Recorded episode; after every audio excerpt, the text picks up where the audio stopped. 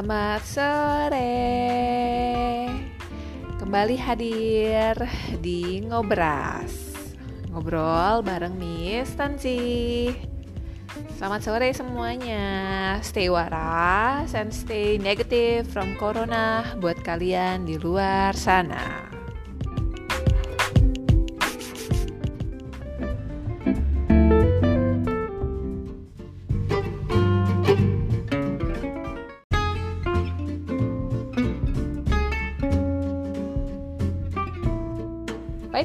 Sekarang untuk podcast keempat kita akan bicara yang enteng, enteng aja. Kenapa yang enteng? Karena badan gue udah berat. Jadi jangan ditambah lagi ngomongin hal yang berat. Jadinya double double weight gitu loh beban yang harus ditanggung. Ya, jadi sekarang kita bicara tentang apa ya enaknya ya? Hmm, gue cuma kepikiran bicara tentang habit sih. Habit apa aja yang udah kebentuk selama proses kita self quarantine buat kalian yang rajin tinggal di rumah, pastinya kalian akan berasa waktu melimpah itu banyak banget.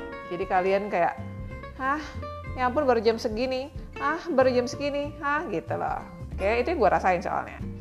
Tapi kalau misalnya kalian di luar sana masih produktif, produktif in terms of kalian masih kerja di rumah, tiba-tiba oh ya kerja kerja kerja kerja, eh waktunya udah jam segini nih, oke, itu kalian artinya karyawan teladan ya. Tapi buat kalian yang produktifnya jalan-jalan, nongkrong ke Sarina saat McDonald kemarin tutup, ah, pokoknya aktif-aktif yang kayak gitu kita musuhan aja gengs. Aku males sama kalian. Aku ini udah self quarantine berbulan-bulan loh di rumah. Kalian jalan-jalan aja gitu enak. Aku kan sirik jadi nggak kelar-kelar nih coronanya. Oh, ah.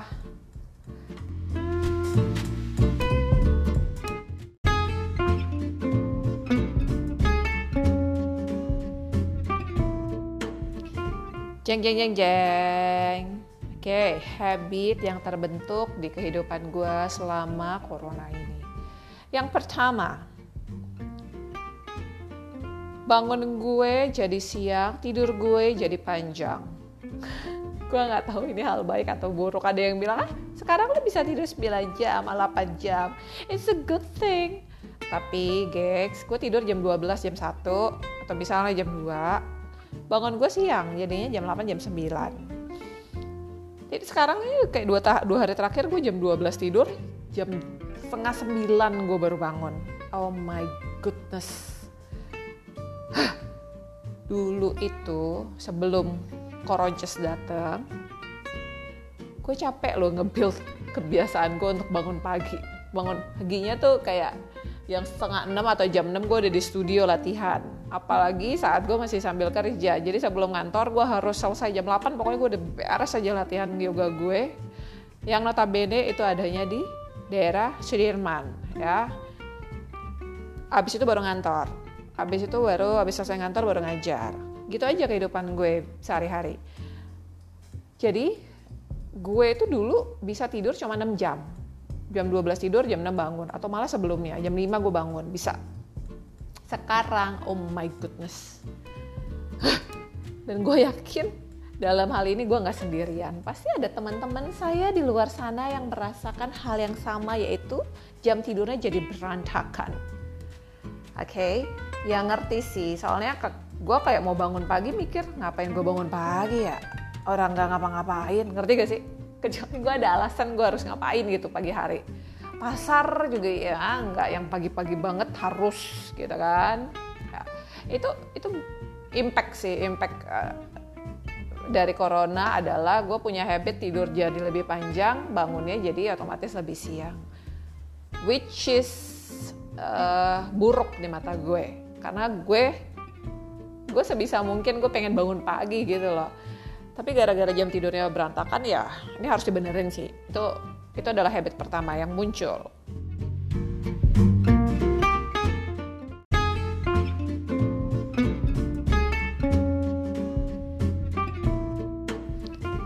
untuk yang kedua adalah habit untuk latihan secara mandiri di, di rumah. Ini latihannya latihan apa? Ini latihan yoga ya, gengs karena gue itu tipenya dari dulu kalau gue nggak ke studio suka mager banget di rumah. Di rumah itu kayaknya oh maunya leyeh-leyeh aja gitu. Apalagi zaman zaman gue sebelum corona kan pagi udah ngajar siang itu kosong misalnya ya. Siang nggak ngapa-ngapain kan banyak kan di luar rumah. Malam ngajar. Jadi pulang ke rumah malam itu tuh bikin bikin males gitu loh. Karena udah terlalu malam jam 9 latihan mau latihan apaan uh, sekarang thankfully gue punya kebiasaan untuk rajin atau konsisten dalam latihan yoga gue walaupun karena bangun gue lebih siang otomatis latihan gue jadi lebih siang tapi setidaknya sebisa mungkin gue tetap latihan.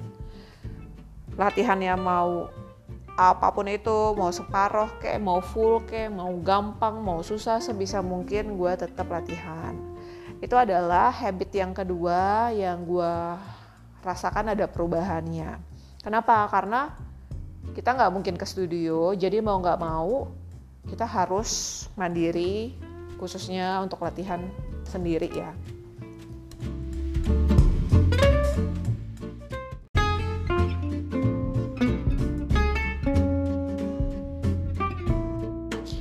Untuk habit yang ketiga yang muncul adalah memasak. Apa? Memasak. Oke. Okay.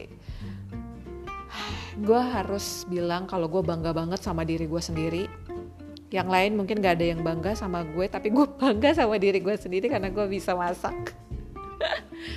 ya masakannya nggak yang aneh-aneh sih, nggak sampai yang ya intinya level gue belum sampai bikin inilah rendang ya. Belum belum sampai betutu gue gagal terakhir. Jadi kalau lo orang tahu gue gue ini nggak bisa masak gengs. Masak nasi aja di rice cooker gue nggak ngerti caranya. Gue nggak ngerti hitung hitungannya ya. Terus gue juga kalau lo orang pernah lo orang kalau temen-temen deket gue tahu deh kalau cita-cita gue adalah membuat nasi goreng yang enak itu adalah cita-cita gue di tahun 2020. Dan Tuhan menjawab doa gue. Akhirnya di tahun ini gue bikin banyak jenis variasi nasi goreng. nasi goreng inilah, nasi goreng itulah. Ya ampun, sakit kepala.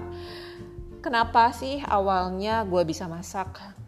Karena IG live, eh sorry, IG story dari teman-teman yang suka posting masak memasak awalnya dari iseng-iseng ya udah ah nyontek ah punya orang IG story-nya tentang masak nih kayaknya gampang uh, kayaknya bahan-bahannya ya nggak terlalu banyak oke okay lah ya bikin terus udah gitu uh, eh dia posting ini lagi nih bikin lagi wah itu itu dia inspirasi terbesar masak memasak gue adalah dari nonton IG story orang lain Terima kasih ya buat teman-teman yang rajin posting-posting. Kalian menginspirasi saya loh. Mungkin abis ini saya akan mendaftar di Master Chef Indonesia. Ya, yeah, maybe, maybe not. Jadi sekarang gue udah bisa bedain nih, bedain uh, lengkuas, jahe, kunyit. Kalau jahe sih gue tahu ya. Kunyit, kencur itu kan gue nggak pernah tahu dan nggak pernah gue sentuh. Sekarang kita udah sohib. Terus uh, bumbu-bumbu dapur seperti jin terus juga kapulaga, kemiri, uh, daun kemangi, daun jeruk. Ya, gue udah bisa bedain daun jeruk sama daun kemangi. Bangga aku tuh sama diri aku sendiri. Jadi uh, memasaknya itu lebih ke fun ya, lebih ngisi waktu sebenarnya Uh, dan gue melakukan masak memasak itu yang lebih menyenangkan adalah saat gue ke pasar. Gue itu ke pasar bisa dihitung sama jari. Ini gue ke pasar sendiri. Pertamanya sendiri. Oke. Okay. Tawar menawar gue nggak ngerti hitung hitungan beli beli sesuatu itu harus pakai apa nih seperempat gocek 2000 kan gue nggak paham jadinya learning by doing semuanya Terus kemudian ke pasar selanjutnya gue udah bareng pacar. Kita berdua jadinya jalan kaki ke pasar, belanja, terus juga masak berdua. Ya pokoknya eksplorasinya berdua sih. Jadinya itu lebih menyenangkan buat gue.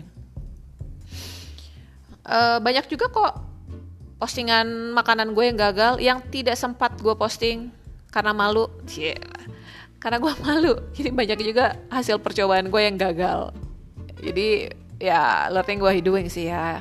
Intinya masak tidak sesulit yang gue pikirkan ternyata. Yang paling malesin adalah cuci menyuci kalau menurut gue. Jadi biasanya cuci menyuci gue gue minta tolong sama pacar gue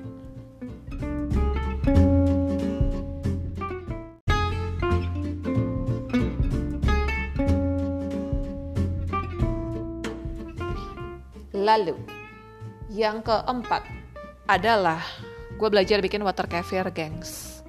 Water kefir itu sama, gue juga lihat dari IG story teman gue. Pas gue tanya, gue pikir dia bikin kombucha, ternyata tidak. Dia bikin water kefir.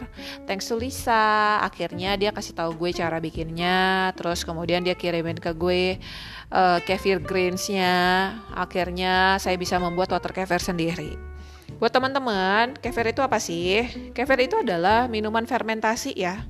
Minuman fermentasi dan itu carbonated drinks yang fungsinya itu baik karena dia dianggap minuman probiotik. Jadi banyak bakteri baik yang terkandung dalam satu minuman water kefir.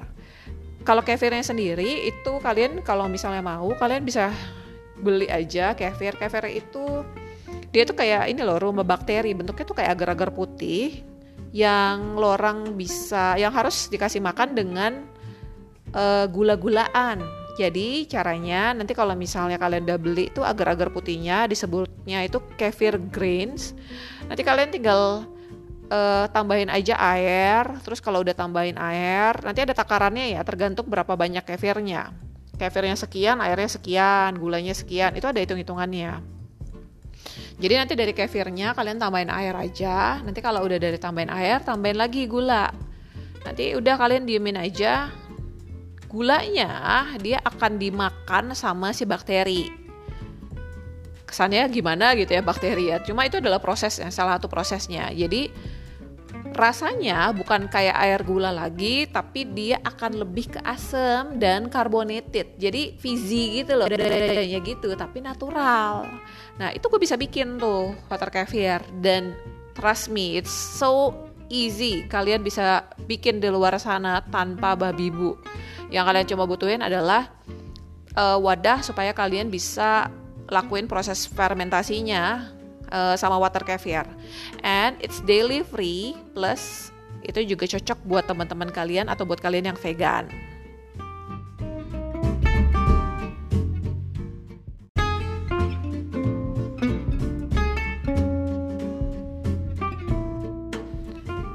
Kemudian habit yang kelima, yang kelima, gue belajar bikin kombucha, gengs.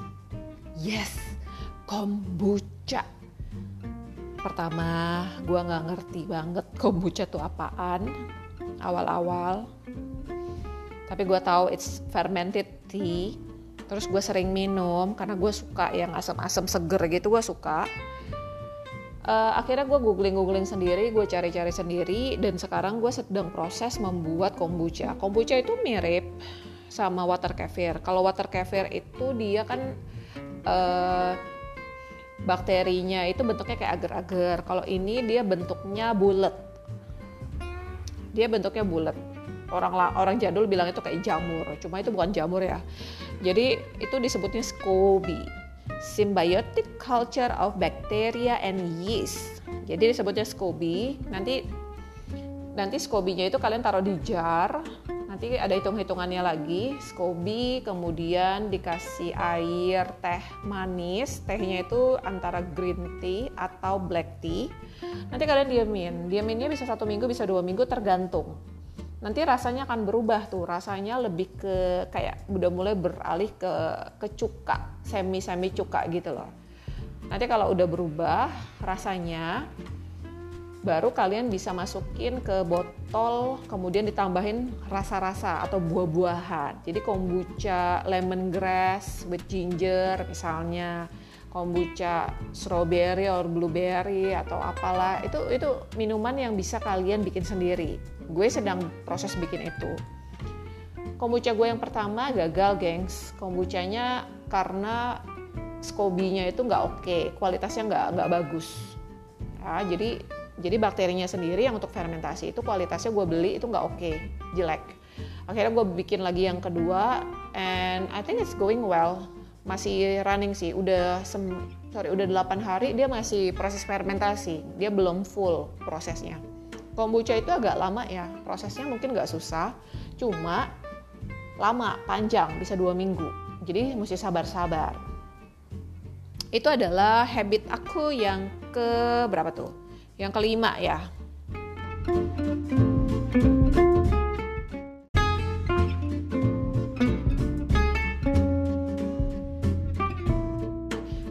Oke, untuk habit yang keenam, uh, hmm, ini agak menarik sih, karena gue belajar untuk uh, mulai aja dulu slogan Tokopedia buat gue it's amazing karena itu yang harus harus apa ya harus prinsip itu sama gitu loh untuk untuk kita jalan ke depan dengan arah yang sedikit beda kadang-kadang kan banyak pertimbangan ya tapi mulai aja dulu jadi start from the small step itu tuh ngebantu banget uh, konsepnya yang gue lakuin adalah gue bikin podcast Kenapa podcast? Itu menarik sih.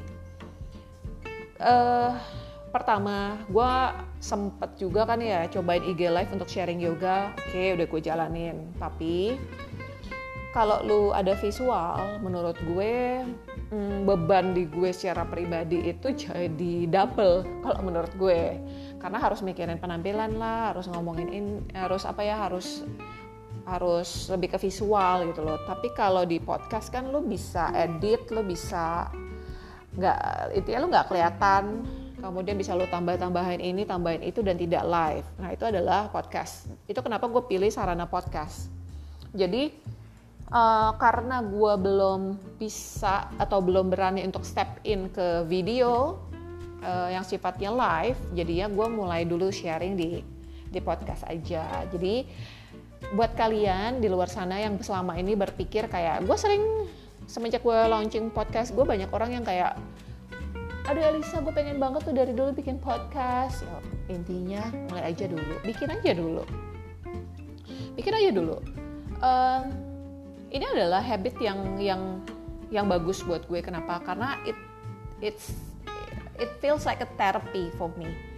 Terapinya di mana most of the time kan kita kita susah banget nih untuk men-sharing di pikiran kita tuh ada apa, di perasaan kita tuh seperti apa. Kita cuma bisa ngerasa, kita cuma bisa berpikir tanpa kita bisa keluarin dalam bentuk kata-kata. Di podcast, kekuatan utamanya adalah kata-kata dan konten pastinya ya. Nah, kontennya ini kan kalau kalian sharing tentang diri kalian sendiri, berarti kalian harus menggali diri kalian lebih dalam apa yang sesungguhnya dirasakan, apa sesungguhnya yang ingin diceritakan atau dipikirkan dan dideliver ke teman-teman atau listener dalam bentuk audio. Nah, beberapa kali saat gue mengulang atau saat gue retake uh, proses rekaman podcast ini, muncul muncul hal-hal yang yang yang saat gue dengerin lagi podcast gue kayak wow. Itu kayak terapi gitu loh buat gue karena akhirnya gue bisa ngeluarin apa yang gue rasain gue bisa sharing gue bisa menerjemahkan perasaan yang campur aduk di di hati dan pikiran gue yang mumet. Gue bisa gue bisa duduk breakdown dulu kemudian sharing dan simplify the sharing dengan cara kita retake lagi uh, bahasanya. Dan somehow setiap kali gue selesai rekaman podcast, gue kayak, oh it's so relieving ya. Terutama buat gue yang paling berat adalah saat gue sharing tentang masalah financial podcast gue yang kedua. Because I, I even I didn't talk to my family about about my concern tentang tentang apa isu-isu yang ada yang gue milikin secara finansial mereka tahu cuma gambaran besarnya aja studio tutup gitu loh. Tapi saat gue sharing di podcast gue masalah finansial ternyata yang keluar itu bisa cukup cukup dalam gitu loh. Dan somehow it has a healing effect for me as a person.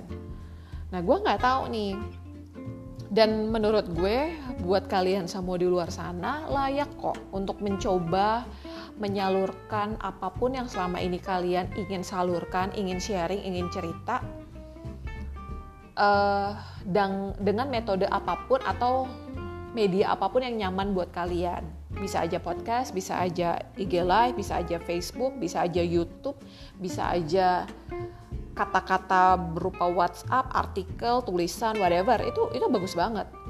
Ini menurut gue habit yang yang gue lihat teman-teman gue yang lain udah muncul kok udah mulai kok mulai satu mulai bikin IG live udah mulai ini mulai itu so dan itu nggak masalah ya walaupun yang lain udah mulai bukan berarti kalian terlambat untuk mulai karena yang gue percaya kita dengan individu yang berbeda kita pasti punya ciri sendiri. Tanpa dibuat-buat udah ada ciri sendiri.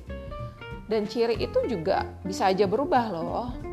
Tidak sih? Nggak yang satu kali tampil kita langsung jadi punya ciri khas khas khas gitu loh. Bisa aja nanti journey kalian yang keberapa kalian baru temuin jati diri atau misalnya temuin hal yang unik dari diri kalian yang bisa aja. Tapi for me personally habit untuk bikin atau sharing dengan media podcast itu membantu membantu gue So I'm encouraging you to try it also dengan media apa pun yang kalian punya. Ya, ingat, gak usah pikir terlalu banyak, coba aja dulu, mulai aja dulu. Selama itu nggak ada ruginya juga kan ya, ya udah dicoba aja.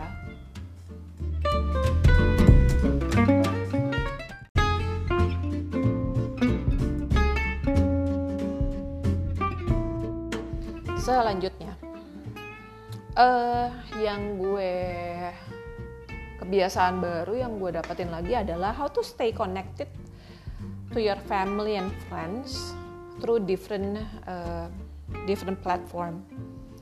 Jadi kalau dulu kan kita ketemu langsung, kalau nggak WhatsApp. Sekarang kita belajar untuk ketemu dengan atau stay connected berhubungan dengan orang lain dengan dengan cara yang berbeda. Bisa Zoom lah, bisa IG live lah, bisa apa pun itu. And somehow di musim koronces ini, I reconnected loh. Maksudnya gue berhubungan uh, kembali dengan orang-orang yang jarang berkomunikasi. Itu lucu banget. Kayak teman-teman sekolah gue uh, saat SMA kita ada grup sebelum corona jarang banget. Grup ini bunyi tuh jarang banget. Tapi sekarang tuh kayak oh yeah we know each other. Kita bisa bisa ngobrol lagi nih sekarang. Kita bisa sharing kita bisa video call kita bisa bisa cerita. Jadi kayak otomatis kita mulai mulai nge-build lagi koneksi dengan orang-orang lama. Itu sih yang gue rasain ya. Dan gue juga sempat confirm ke beberapa orang mereka juga ngalamin hal yang sama gitu loh. Jadi uh, selama ini kita mungkin kita di dunia yang itu-itu aja gitu kan. Tapi saat kita withdraw dari dunia yang biasa udah kita jalanin, kita kembali nih ke gua gitu ya.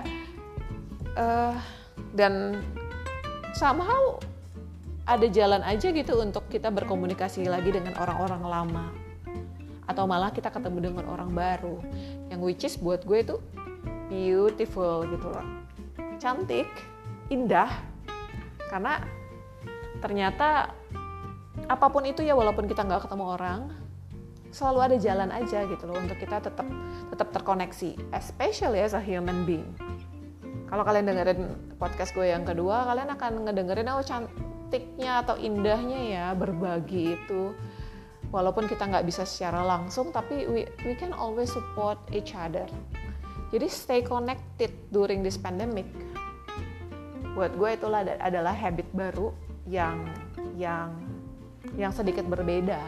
Kalau nggak ada koronces gue mungkin masih jalanin hidup gue yang yang kurang lebih sama yang rutin. Tapi saat lu punya new rutin ternyata ada orang-orang yang kembali nih uh, terhubung dengan kita atau malah ada orang baru yang terhubung. Buat gue sih itu indah itu indahnya. Tetap ada indahnya kalau buat gue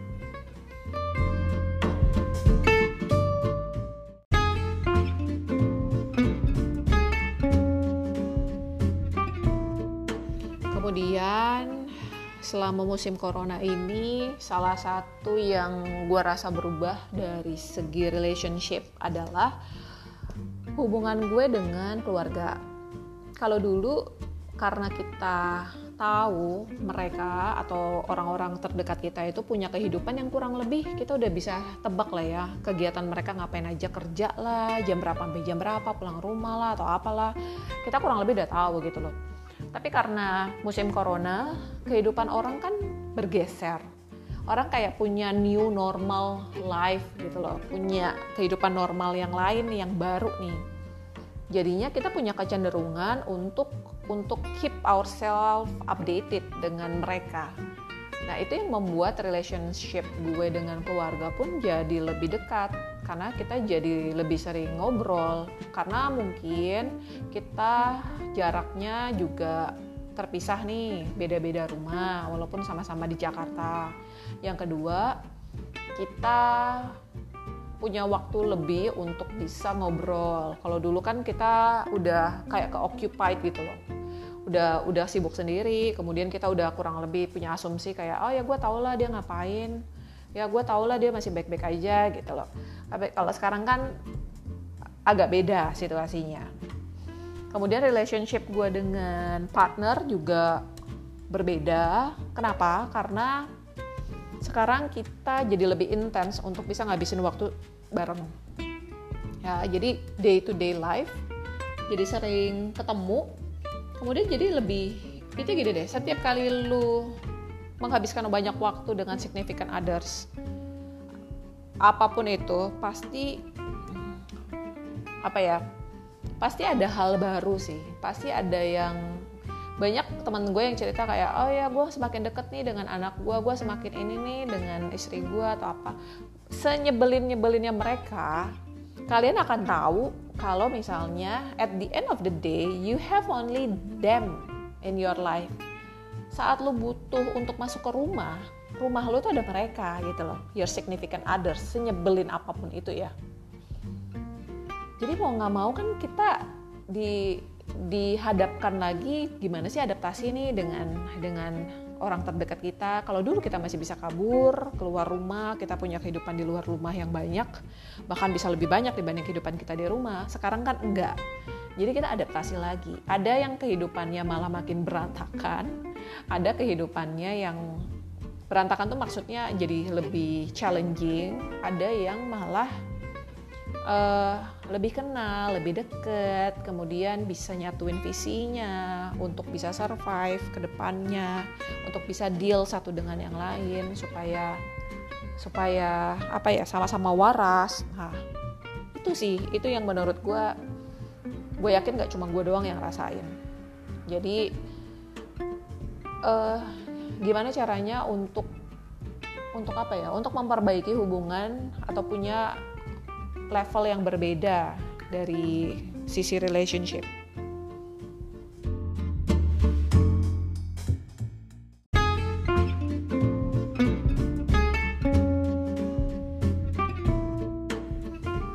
Nah, ada satu lagi habit yang yang gue juga mau sharing yaitu meditation.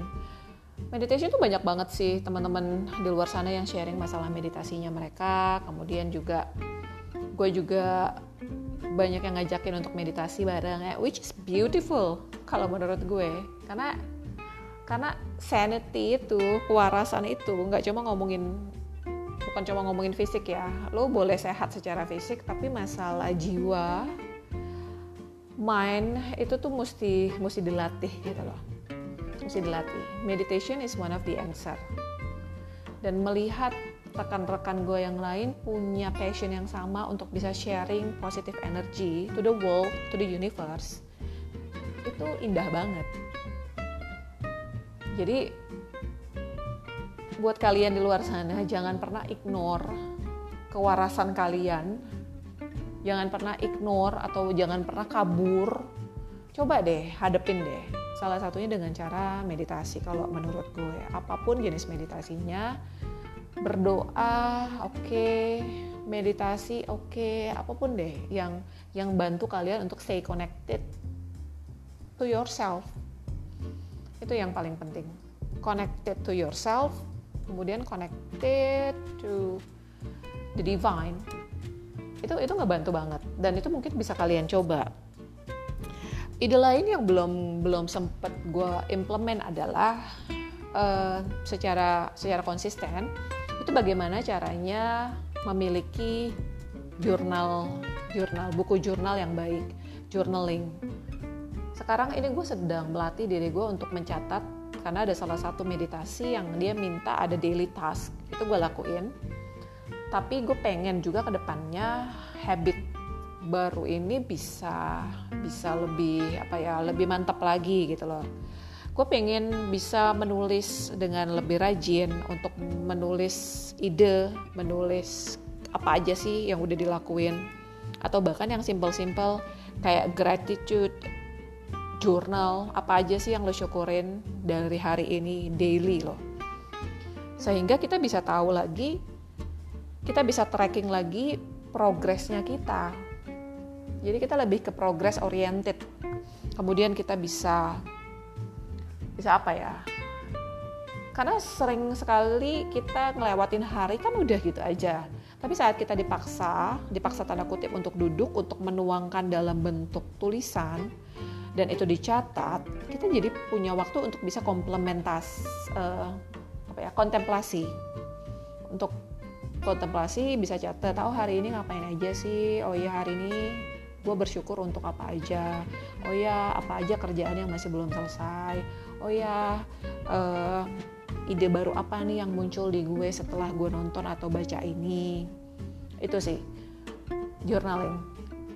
Jadi I think it's really important for me to to have a new habit which is journaling. Jadi pengen gue bisa rajin doain ya. Bisa rajin untuk bisa menulis. Karena saat lu nulis di notes handphone sama lu nulis secara tulisan tangan itu rasanya beda men beda jadi the jadinya ya gue juga berharap teman-teman di luar sana juga bisa terinspirasi untuk bisa menulis untuk bisa sharing untuk bisa menyalurkan apa pun itu mendevelop habit-habit yang oke, okay, yang bermanfaat buat kalian dan buat orang lain. Sharing dong ke aku, kalian udah ada habit apa aja, ya. Kemudian buat teman-teman di luar sana yang mau nanya-nanya tentang kombucha, walaupun gue belum tentu berhasil ya, lagi proses, boleh nanya-nanya. Yang mau nanya-nanya tentang water kefir, boleh, silakan. Oke, oke, oke.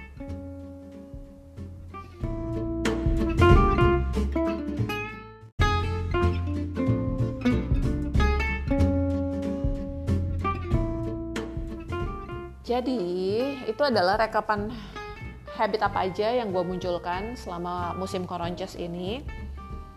Semoga teman-teman di sana juga bisa menginspirasi saya.